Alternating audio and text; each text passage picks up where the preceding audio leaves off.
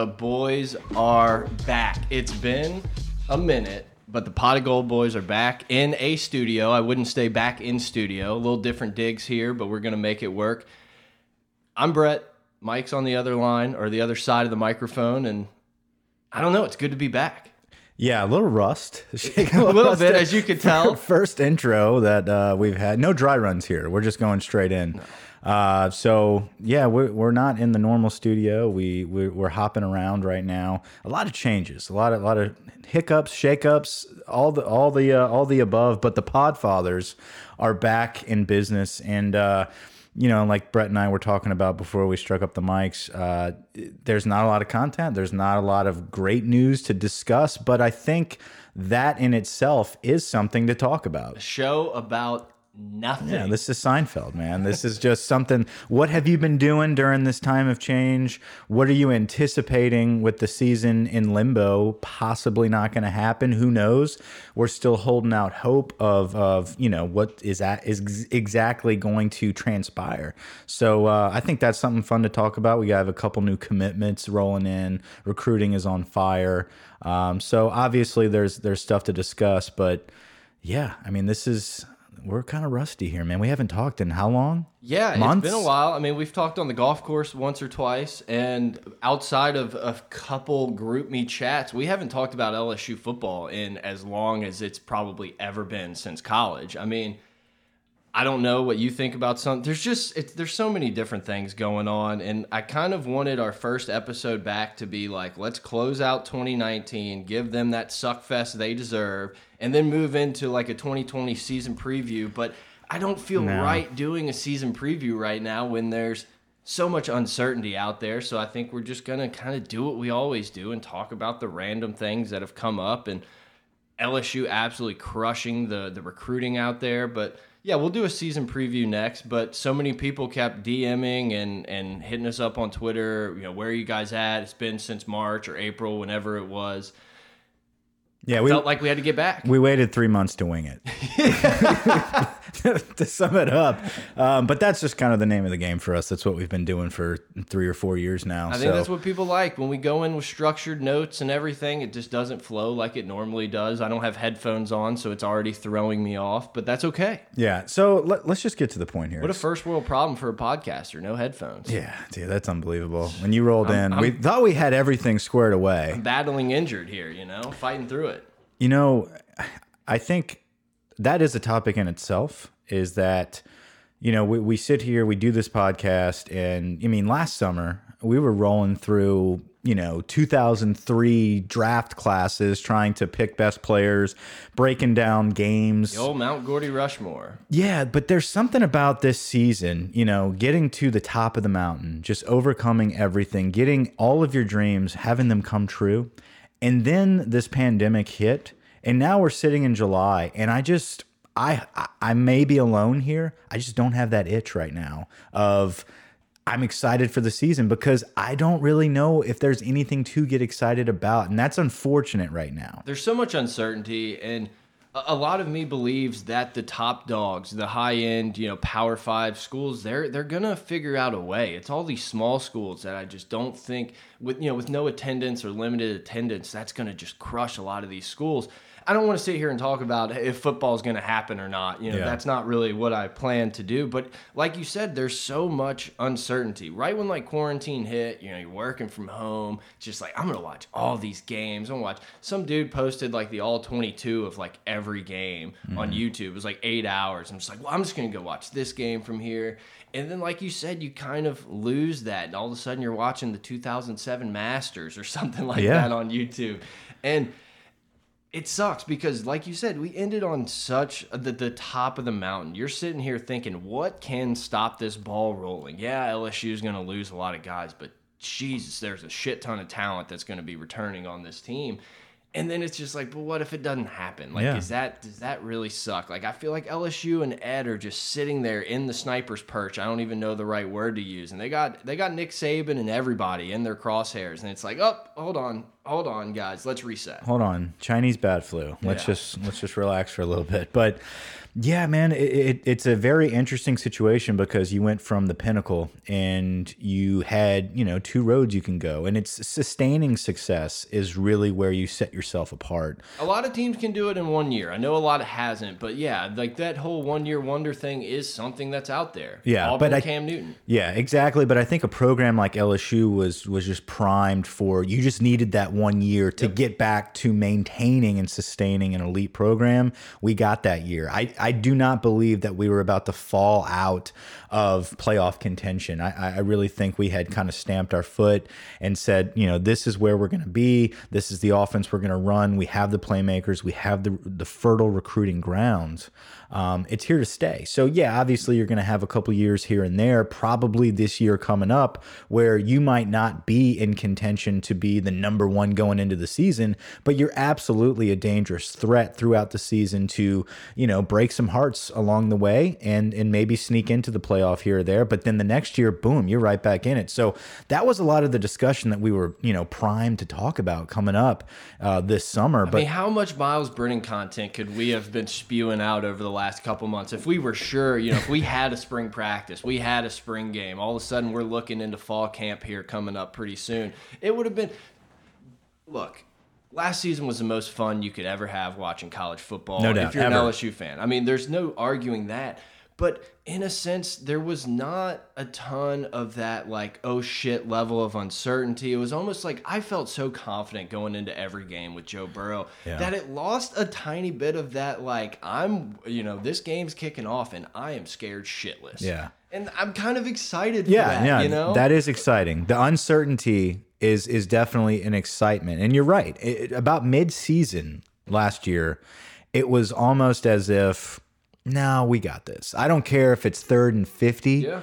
we might score. Yeah, like uh, yeah, you know, you hit that third and seventeen against Texas. You have some big time plays in these games, and then you just think like, I, I'm I'm not worried about this. You know, like Auburn kind of gets a little run. You're just like, yeah, but we have this game. Like it's over.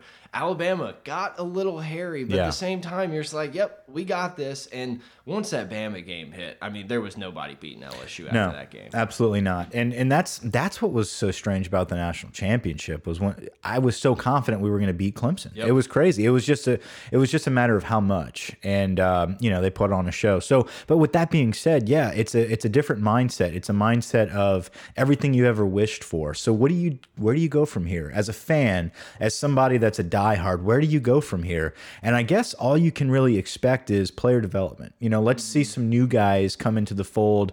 You can't expect too much immediately from Miles Brennan or Trey Palmer or Racey McMath. Some of these names that are unproven, but you know that they have the potential to be stars. And uh, also with our running backs, I think there's another crew all of them Yeah. are poised to break out. You've got you've got Chris Curry, who the the the coaches and the team love, right? A guy that the fans cow. kind of forgot about. I don't want to say forgot. You knew he's on the roster, but you were certain it was going to be an Emery or a Ty Davis thing. And then you go into that game against Oklahoma, and Chris Curry looks like he's an SEC running back. I get oh, OU wasn't an SEC defense. I'm not, you know, we can argue that kind of crap all day, but.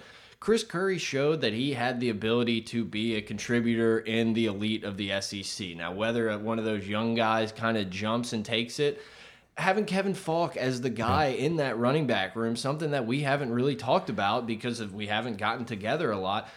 How incredibly huge is it to have somebody who is just I mean, you you can list the accolades of that guy, but he's excited. He's hungry. You know, there was the stories about him beating Ed to these recruiting mm-hmm. visits by an hour and stuff. I mean, this guy is hungry and I think he loves working with these guys and he's going to make them as good as anybody we've had at that coach at that coaching position. Yeah. So the first part of that, when you look at people kind of overlooking Chris Curry, the running back position is one of those spots that you, as a fan, you kind of expect somebody as a true freshman to be able to contribute because it's not a position that has a long development stage, right? Where offensive line, you would never expect a left tackle that's 18 years old to walk in and just be a stud. Um, but at running back, you kind of you feel like the the Emerys or Leonard Fournettes or Geises, they come in and you're like, okay, by about mid season, they should be the bell cow. They Yeah. should be the guy that's that's going to take over a game. Um, and and every now and then you get guys kind of like a Spencer Ware, or you get guys like maybe an Alfred Blue, where it takes them a couple seasons to really be the man. Mm. I think Curry might have been that guy. He just had a lot of talent around him. I mean, look at Clyde. You Yeah. know, I mean, he was Clyde, sharing, he perfect, was yeah. sharing with Nick Brossette, and you're like, yeah, you know, I neither of these guys are elite, but I feel like together they're a good thing. And then Clyde comes into this next year. I think his ability to catch the ball, obviously, Yeah, the offense blew fit that him up. so well. But man, I, I've watched that Alabama game a million times, and there's like three runs or three times he touches the ball in like that entire game where he doesn't break at least one tackle. Sure. like it's insane. Yeah, the offense fit him so well, but his development from day one to being a first round draft pick, Right. it was just amazing. So, do I think Chris Curry is going to be a first round draft pick? No. But do I think he has the possibility to be a, a really good SEC running back and someone that could start for us? Mm-hmm. Absolutely. I mean, and, and then obviously you've got you've got the other two guys there with Emery and Ty Davis Price. I mean, those guys are, are amazing. And you got another little running back coming through. Um, I forgot his name. I think it's Kendrick Ken- or yeah. something. I don't know his name. He's probably going to redshirt. He's We're a guy- rusty, Yeah, okay? We're a little rusty here. I'm trying But to think. He's out of Texas. yeah, Um, it's like Bradford or something like that. Um, but going to Kevin Faulk, you know, talk about a guy that a lot of people point at as the guy or the recruit that changed the game for LSU. So back in the late 90s, you get a cat like Kevin Faulk to actually stay home. Before that, you've got guys going everywhere. Florida, Miami, Florida State. I mean, they're, they're just people are cherry picking Louisiana. Yep. And you get a kid like Kevin Faulk, who's an all world recruit, to stay home and play. Um, that was big, and it kind of turned the tide. And then Saban came in and kind of kind of locked the door down and started getting these recruits. For a guy, Louisiana Hall of Famer Nick Saban. right? But Faulk really had that mindset of I'm going to go against the grain here and I'm going to stay home and rep my state and that state pride goes a long way when you're coaching and I think him having so much pride for the for the state for the school much like Ensminger it doesn't really matter how great their coaching ability is it's the dedication they have to player development for this specific university that I think goes a long way in recruiting and it goes a long way in a position like running back where it's really just small details. If you're a running back coming into the SEC, you've got it down. There's not much more you're going to learn other than the playbook or some, you know, some details here or there about, you know, uh, in-game play techniques, right? But as far as the overwhelming ability, you can come in and play. So a guy like Faulk is just really harping on details and and just passion for being the best you can be. I think it's huge for the program. Those running backs are going to block. I promise you that. Oh, yeah. You know, they're not going to be the, they're not going to be soft. I think Kevin Faulk is a perfect addition. And that just kind of leads into the Ed Orgeron discussion about I, I listened to his introductory press conference a couple like a week or two ago. Mm-hmm. And it was so awesome to have everything he said. I mean, this dude laid out what was going to happen and I mean, he's been right every step of the way and I think one of those things is surrounding himself with an incredible staff. I mean, James Cregg is absolutely crushing it on the recruiting. Uh, Oh, God. guys have Yeah. gotten better on the offensive line. I think the offensive line is still your question mark. Ed Orgeron identified the the deficiencies in this team. A lot of it was in the trenches and getting bigger up in that area. And that's what we're doing. I mean, currently we are just crushing it on the lines. I mean, I think we've had like three D line commits in the past couple weeks Yeah. everything Ed Orgeron is doing, I had this weird thought that I was sitting there thinking, I could have the pick of any coach in the world, and I'm not trading Ed Orgeron for that guy. And that's such a weird feeling to think. Three years ago, when we were like, I kind of trust Ed, but I don't trust him. Yeah. And now we're sitting here thinking, like, I don't want anyone else to lead this ship.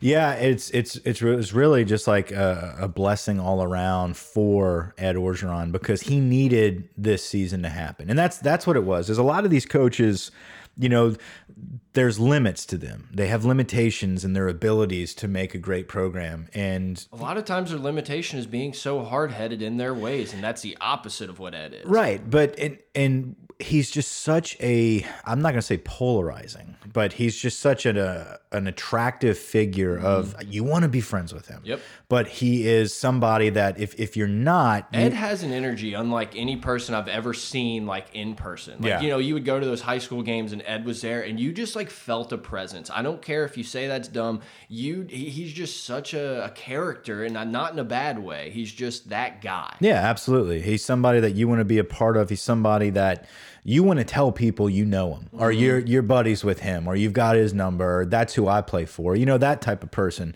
Um, but you know, you know, you look at like an Urban Meyer or a Nick Saban. You know, some of the greats, right? And so what they have, and it's very well documented. Nick Saban has just this innate ability to game plan, preparation, attention to detail, X's and O's, player development, all that good stuff, right? But he is an asshole. He is somebody that no one wants to be friends with. You just want to be a part of his success. And he garnishes that. He he he got that success from the ground up right? He developed it from from uh, you know winning winning smaller games going to bigger schools and just kept winning and winning and winning. Ed orgeron didn't have that um, opportunity to just bounce around and keep winning and winning and rising to the top. But his personality his recruiting abilities everything else was there. He just needed that one magical season to put him on the map of, oh, he can win too. Once you can win and you couple that with who he is as a person and his personality and how everybody wants to be a part of it, I think the sky is the limit. That's why it's so good. That's why you don't trade it because he just needed this one perfect season, this one opportunity to get the ball rolling. Unfortunately, the ball was stopped by this pandemic, and that's what's scary right now. That's why that's why it's not super exciting leading into year I'm not gonna say year two. It's year, you know, first Four, year after the national championship. It's kind of like a new world, right? It's a new season. A lot of new faces, going to be a totally different defense. You're right. If I would have told you a few years ago, whenever they hired Ed, that Ed would be kind of like the guy on the leading forefront of technology and, and numbers and using all this outside stuff. There's a lot of people that, oh, it's football, hand in the dirt. Ed, I mean, they're they're tracking how fast they're doing their back squats and stuff like that. I mean, everything is meticulously done. One of my favorite things, we, you know, I'm sure we'll kind of talk about this. We kind of had this discussion in our group chat about how awesome these wide receivers are going to be and who matches up where and everything. And I just completely lost where I was going to go. It's okay. Speaking of wide receivers, Chris Hilton, the one of the top receivers in the country, top receiver in the state. Um, I think him and the cat from from Walker are two of the top receivers in the country. Um, but but yeah, Chris Hilton commits to LSU. He's a guy from Zachary, um, who Zachary's got players, man. Zachary is is the public school that's just dominant these days. You know, back whenever we were playing, it was like you know West Monroe Yeah. and Destrehan's obvious obviously still up there. I don't know that St. Thomas More is public, but St. Thomas St. More Thomas was one of More is the private, schools, yeah. But but yeah, man, I, Zachary is definitely that program to beat, and uh, Chris Hilton was a guy that put on a show. I saw a video of him dunking. I think Shay posted. Um, Yeah, he had a little bit of an injury last season, um, but his sophomore year was just so dominant. He kind of reminds me of DeVonta Smith uh, at Alabama. You know, whenever he came out of a meet, he kind of resembles his style of play. Kind of a lanky guy, um, but pretty quick. Um, not too built, but can really get up there and jump. And uh, you know, I, I think he's going to be a great asset to us. But just speaking about wide receivers, you know, you got the JoJo Earle kid out of out of Texas who is just a phenom. This kid is like that. He's almost like a bigger Trindon Holliday. He's somebody that can just wiggle up and down the field, just quick cuts, stop on a dime. So um, offensive firepower is not at all Right. a concern. And I think maybe where you were going was the current roster, talking about guys like Racey or Palmer. Or, Yeah, so we had this discussion, and then I go and listen to the off the bench interview with Mickey talking about how guys like Gilbert or Racey McMath is going to have the third, fourth corner on them, and that's just such a wild mismatch for LSU. But the thing that kind of that he said, they asked him, you know, how the pandemic stuff's going and everything. He said, you know, I don't know what's going on in other places in the country, but we're competing every day, and it's just that's the type of shit that I love, and I'm sure other schools are doing it. But Ed Orgeron has built this culture of working hard, having fun, but competing your ass off. Everything they do is a competition. I just think he's got it figured out, man. I think Ed, looked at this all of these situations that have happened and said where's the positive we can take out of this? Not being pissed you have to zoom from home and do all these meetings. He's looking at ways around it. And you know guys are committing to other places and everything but i don't, I don't feel like i see anywhere near the amount of like high level guys committing to other schools as they are to lsu back to back to back. I think ed's found that edge in recruiting the way that they're doing it right now. You look at when Ed is most successful, it's when the pressure is on. When people are telling him it's over, shut it down, like you suck, you lost to Troy, or the quarterbacks aren't that working feels out. like it was so long ago Yeah, but it you know it, it was just basically his mantra. It- It's Ed Orgeron to the T of you're not good enough. This is over. Pack it up. He never folds. What he does is he comes back bigger, stronger, faster, all that rah rah good Kanye stuff. 2020 Uh, so I think in this situation, no one has more pressure on them as a program than LSU.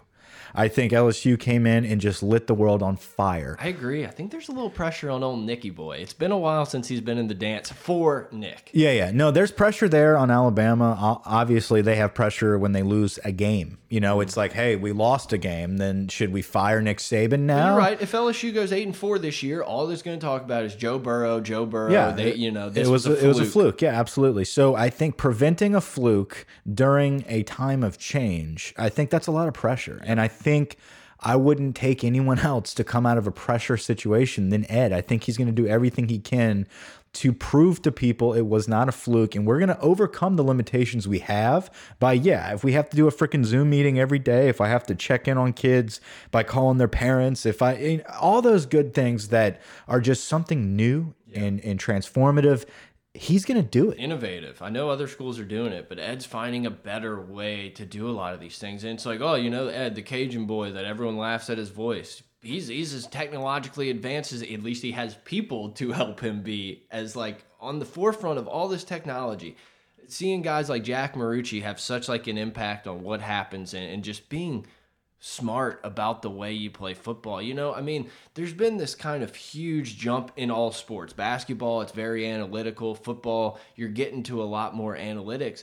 And then you got a guy like Ed who seems to be on the forefront of a lot of these things. And it's like Ed had the same vision for LSU as all of us did. And I think us growing up in that perfect time of the Nick Saban era and having success with Les Miles kind of clouds your judgment about how easy or how teams should be in college football. Ed had as big expectations for it, and he's all he's done is gone in and made that a reality. I, I really do think that his style of coaching, um, which is very similar to Dabo Swinney. I think Dabo and Ed are very similar characters. All glory to God. Um, what's that? all glory to God. Yeah, um, I, I think he's somebody that uh, the similarities meaning eh, they're all about family, and, and whether that's real or not, or if that's just a perception put out by the media, it works. And I think it's something um, that might be the style that holds this together during this situation where these are young kids. Yeah. I mean, eh, we were in college 10 years ago. Isn't that crazy? Imagine 10 years ago being at that age of, I miss my family. You mm-hmm. know, I'm, I'm bored. We're not doing football right now. I don't know if I am going to be playing football right now. Who knows what really happened with Marcel Brooks, but that's a very similar situation where maybe any other year you have people around you kind of convincing you otherwise. I think LSU has that family feel and i think ed is doing the best he can to keep that together during this time where you've got guys like maybe kirby or nick saban or I- all those other kind of just analytical mm-hmm. brainiacs where their programs are run more like a business in an nfl type program where it's really just talent driven and individual driven There's almost a separation between the coaching and the players. Exactly. And it's it's like, hey, these are all five star guys. They're all individuals. They're all going to go make their millions. They're just in our system. Yep. Um, I think that's going to hurt you during this type of situation because you don't have any control over anything right now. Where an LSU style of, yeah, we've got four and five star guys all over the place. Um, but it's one team, one heartbeat. It's one system, and I think everybody has bought into that, and we've proven that it works. It's it's a different story if you're just beating your chest, one team, one heartbeat, and you're losing all your games. No one's going to believe it. But after what we just pulled off, after the transformation of Joe Burrow, the transformation of this offense, people are buying in. So I think that wave that we can ride if we can get football coming up this year, mm-hmm. this fall at some point, I think we're going to be okay. I do too. I, I think LSU is in as good a spot as anybody to come out and be a pretty good team. It sucks that you're installing a new defense, a mm-hmm. completely new style of defense with a completely different style defensive coordinator. And then your offense, obviously losing Joe Brady, having Scott Linehan come in, still got the Goatsminger up there. A lot of things have changed for LSU, and that's kind of the turnover you you see. But I feel like one of my favorite things whenever we are like talking with Maudie about all these different things and ask him what was different, he says, you know, at the NFL level, everyone there is professionals. You know, it's like it's not this like coach player mm-hmm. divide. Everyone has the same goal, and it's to keep their job and to keep getting paid. And I almost feel like, and I'm not saying getting paid, I almost feel like that's kind of the situation you have at LSU, where there's not this, oh, I'm just going to chew your ass out and get on you because I have control here. It's we are here to get better. We are here to compete. I want to get better as a coach. You want to get better. Like I, I just love the the culture that has been built. It's exactly what he told us. It's not a culture of hard ass, do it my way or the highway. It's a culture of getting better and competing. And I think I'm sitting. If you're sitting here in high school, man, I can't imagine LSU not being on the top of your list. No, and, and we've seen that in this offseason where, you know, kids are excited um, about what they saw LSU do uh, this past season, and they're jumping on board. And I, I think they're excited for the future of the program. Um, I, you know, it's unfortunate that that we did lose Brady, right? I think that was one of the biggest blows from last season to this season that's happened. But he installed an incredible culture. he, he installed an incredible offense, an incredible culture, and attention to detail on the offensive side of the ball that we haven't seen in a long time, mm-hmm. maybe ever. And Get out of the way of the athletes, you know. Let's Yeah. not clog them down with all this bullshit. Let's let Ja'Marr Chase be Ja'Marr Chase, Yeah. win his one on ones, you know. And that's yeah, what it, it's installed, and we have a, a very competent guy in, in Steve Ensminger that understands this works. This is what we need to be doing moving forward, and we're going to keep this going. So, to think he didn't learn a lot with Joe Brady in meetings all day, every day, talking about different things is just wrong. Like I think Yeah. he's he's a sponge, and I think he Absolutely. loves. There's no arguing that Steve, Ensminger doesn't love football. You know, I mean, I think he's a guy that all he does is put a hog in and watch film. Yeah. I don't think he watches NCIS on a Friday on a Tuesday night. Right, just don't. But going back to recruiting, I think that would be the only hiccup we've had is when Brady bounced. You didn't get a Caleb Williams, right? And I, I think that's why you saw Caleb Williams commit to OU We're last night. Nuss bus, bro. Listen, and Nussmeier, he's not a, a he's not a second tier quarterback. I really think Garrett Nussmeier is one of those elite. Hey, he's an elite eleven, right? Um, but that doesn't mean shit to Go me because dimes. a lot of people have just come out garbage out of that group. But he is type. Uh, he is part of that cream of the crop, that top target. Um, You keep getting guys like a Grant Nussmeier, kid with a lot Garrett. of talent. Sorry, what G. Sorry. G. A lot of thanks though, because we probably would have gotten trashed for that. You keep getting those guys. Look, there's so many high school quarterbacks. A lot of them aren't going to pan out, and some of them will. And you keep getting those guys. You're going to hit eventually, whether it's you know you miss one or you miss two. One of these guys, if you keep getting them, the problem is is when you were LSU and you kept getting the two and three star, the guys who were like, uh there's a chance, but it's a lower chance. Then that's when you start getting a lot of these quarterback situations that LSU's had for so long, where it's like, oh, we got a dude out of Yeah. Georgia. He's legit. He's legit. And he's like, hey, he's average. You know, and Nussmeier doesn't have to come in and play immediately. That's Mm-hmm. the thing is this kid uh, his only knock right now is that he's not big. Yeah. Okay. I, I feel like that has to like we got to chill out with this whole he's not big at quarterback. Kyler Murray, How Baker many Mayfield, years yeah. are we going to see that not only has offensive change happened in the past decade, so has the the the body structures of these quarterbacks. Yeah. If you understand a system, if you can get the ball out quick and read a defense, I don't care if you're 500 pounds or if you're 100 pounds. R.I.P. Jared Lorenzen. Absolutely. But uh, Garrett Nussmeier, this is a great point that somebody made was, you know, he's had to start. I think it was Trent Dilfer at the Elite 11. He said Dimes. he's had to start and earn a starting spot every single place he's been. So it's like seven different high schools or whatever it's been. He's worked his way to the top. Um, It's hard to be a leader when you show up brand new and you're trying to take the quarterback spot that everyone liked. You know? Absolutely. He's a great quarterback. I'm excited to see Garrett Nussmeier. Let's talk about this quarterback room for a minute here and the potential we have moving forward.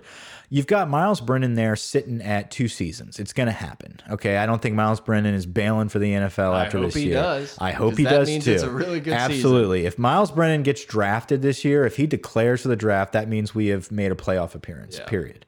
Um, you've got you've got the two freshmen right now with Finley and Max Johnson, and, and both of those guys, um, they're raw. And I, I think a lot of people are are doubting the ability of Finley because he I think he's just got so much more room to grow. I, he just has he's just a baby. He looks like a big baby right now with an incredible cannon. That's a kid that you develop. Max Johnson on the other hand, people are kind of excited about him. He was kind of the guy that they thought, yeah, Finley's probably going to take over here. Max Johnson might not really stay. He might Post some nice Instagrams with some rollouts, and boom, the fan base is behind. Look, you. eh, the limited amount we saw in spring, which might have been two practices, you know, Max Johnson looked okay. And then all of a sudden, he's posting these videos that he's working with his dad and his brother, who's an elite tight end, by the way.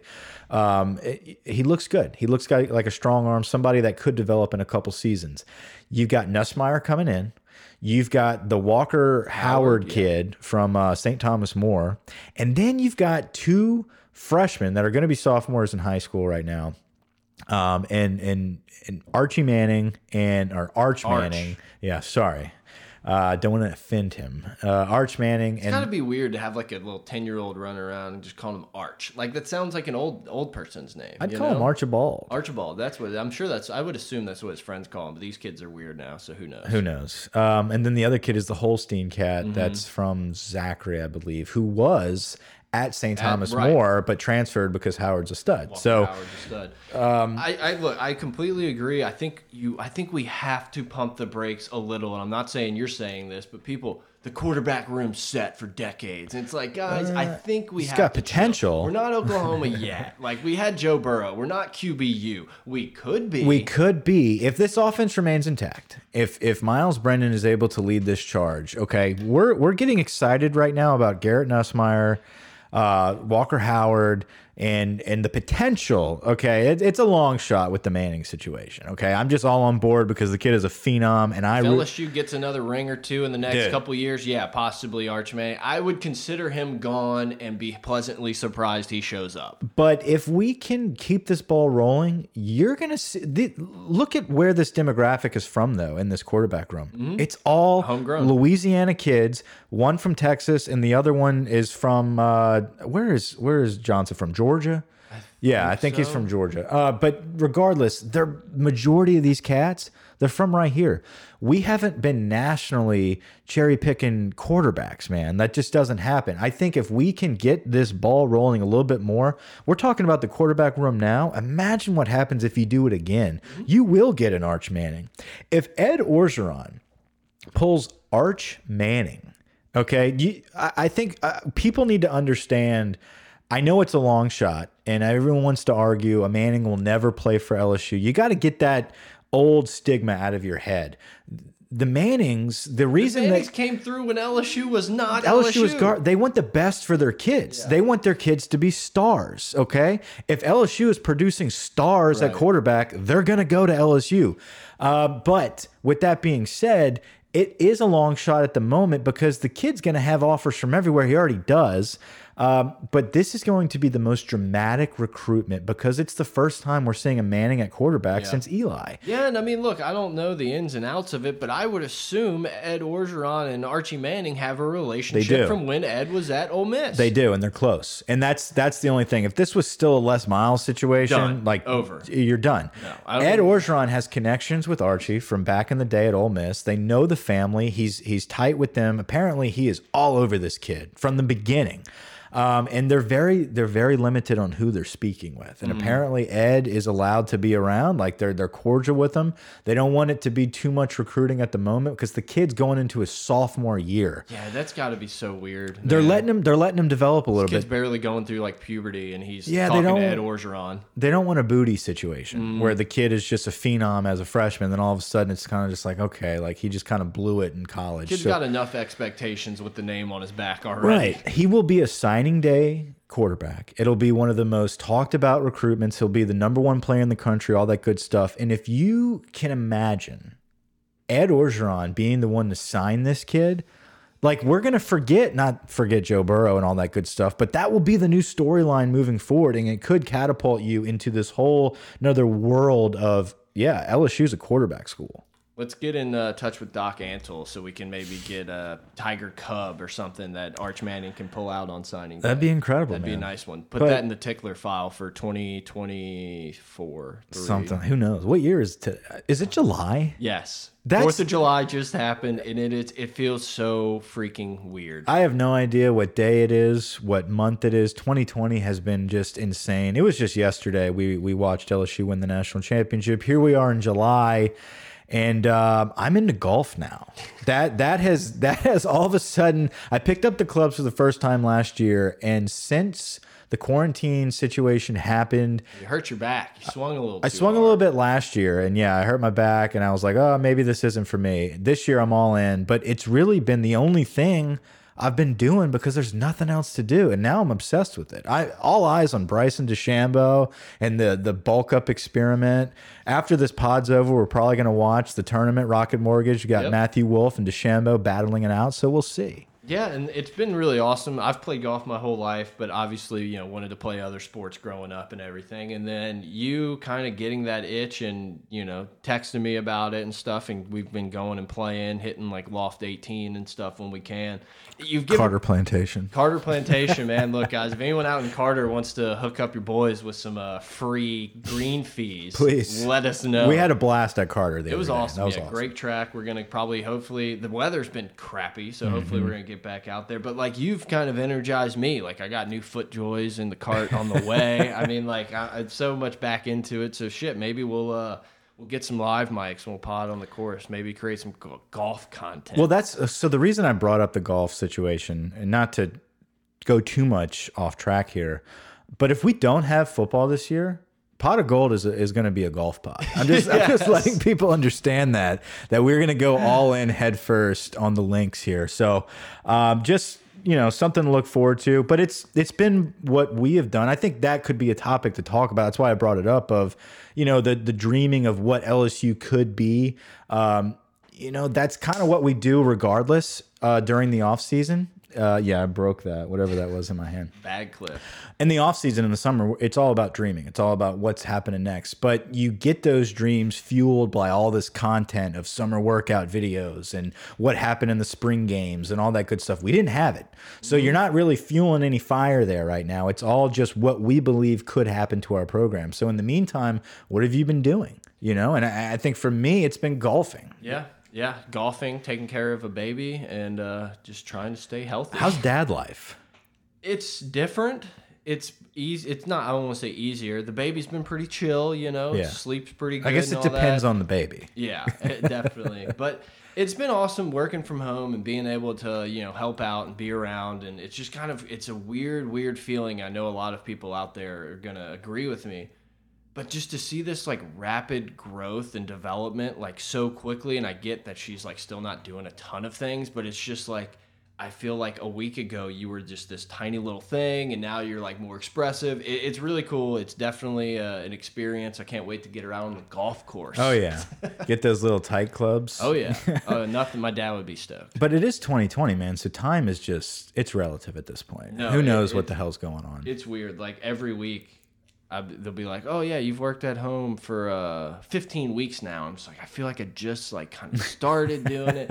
It's just so weird how this time has melted. I mean, like, yeah, we're gonna be sitting here in August and being like, uh, you know, whether we have football or not. I don't know. I, I would assume NFL's happening. In if college isn't, NFL's going to be a Thursday, Friday, Saturday, Sunday, Monday type of experience. But uh, you know, I think it's gonna have people are gonna pick up other hobbies, like you Yeah. said, golf, tennis, a lot of these other recreational type of things, and.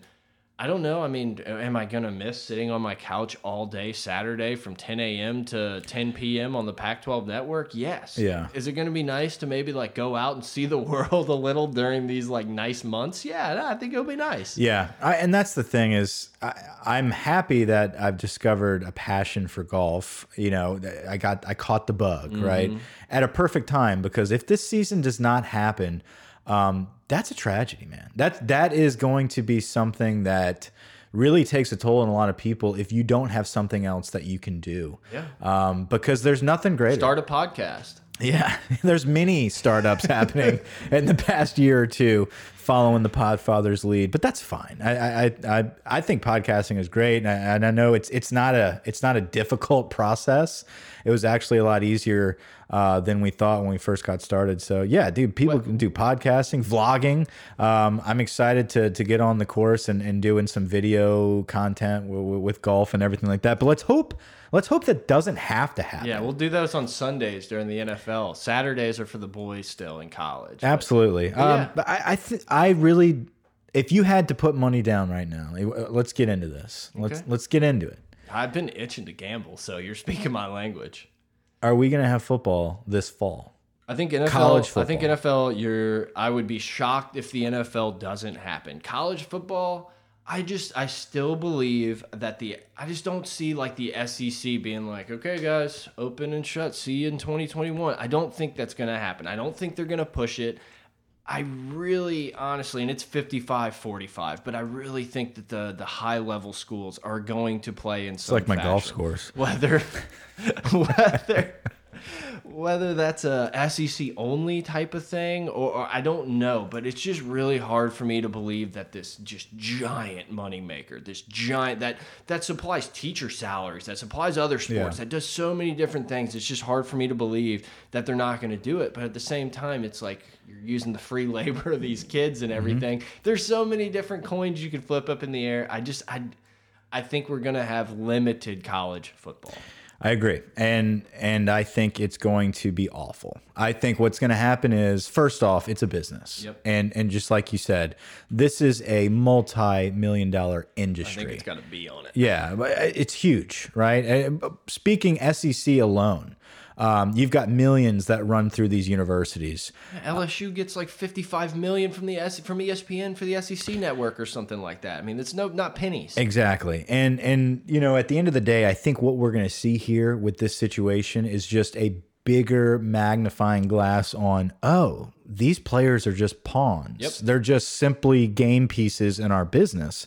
And what's going to happen is the the actual structure of this game and the passion that you see from the fans and what makes it so great is going to be dismantled this year because they're going to force it to happen. It's going to happen, but it's not going to be what we like. It's not going to be uh, something we're used to. It might be something like a I don't know. SEC only plays each Right. other, um, which but is the true national champion anyway. So.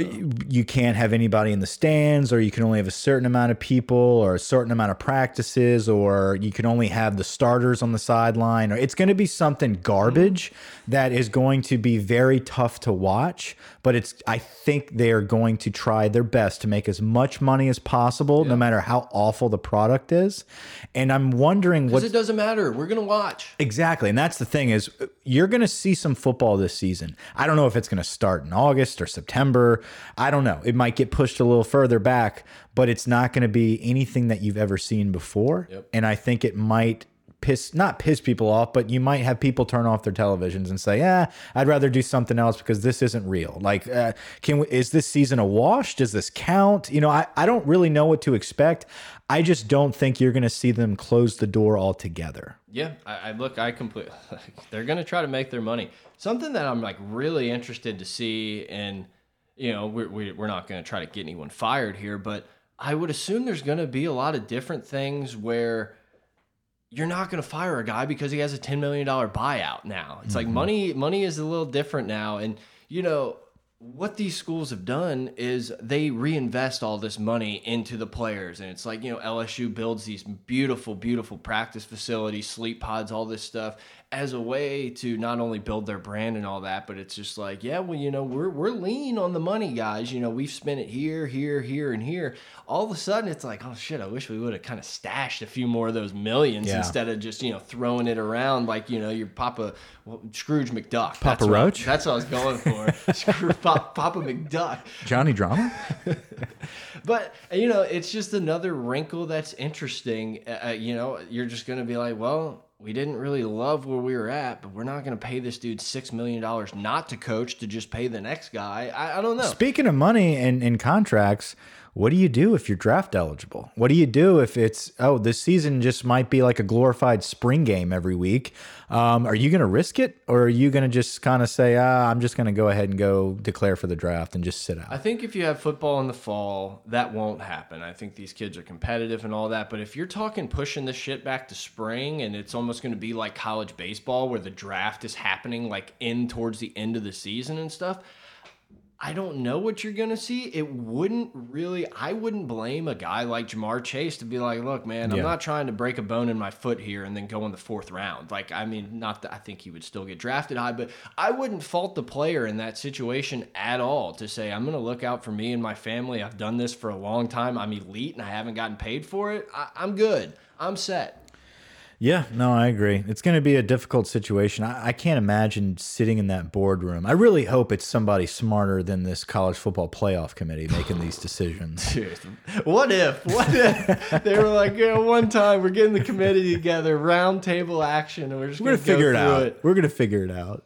Ohio State is undefeated regardless.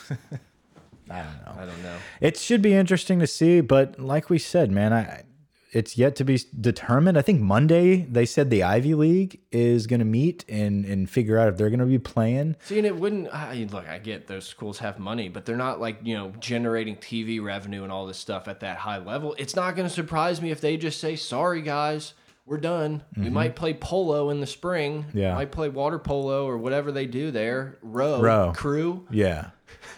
But it's just not going to shock me if Yale's not going to have football this year. Won't Yeah, surprise I- no, I think a lot of those smaller schools, And not that trickles down to everything. Yeah, yeah. So I, we'll see. I think a dominant force like the SEC, I think they're the ones that are going to kind of be like, well, if no one else is doing it, we don't really care. We can kind of run our own system here. Um, but I don't know. We'll see what that does to college football as a whole. Um, I don't know. Yeah, look, man, everyone listen to this after the long layoff. We appreciate you coming back, and I hope you missed us as much as we missed you. We enjoy doing this. It was a lot of fun. Uh, I don't know. Are we done? We don't have anything else? Time for golf? Yeah, I, I think we're going to go chill out for a little bit and uh, possibly watch some of the Rocket Mortgage Classic. Um, I don't know. I think that's about it. What are we going to do next time? I hopefully by the next time we do this, we can kind of do that like full season preview where we kind of look at the games and predict where we were, what's the biggest hiccup you're looking Right. at, talk about a lot more of the players, some guys that the average fan is not going to have seen, these linebackers and all this type of stuff. I don't know, man. It's going to be fun. I enjoyed doing this. I'm glad we're back. Well, like Brett said, we'll be back. We're excited to be back. We've got a lot of content to talk about in our heads. We're just going to make it up, guys. All right? Over but and out. uh, we appreciate you. Over, and out. Yeah, over and out. Over.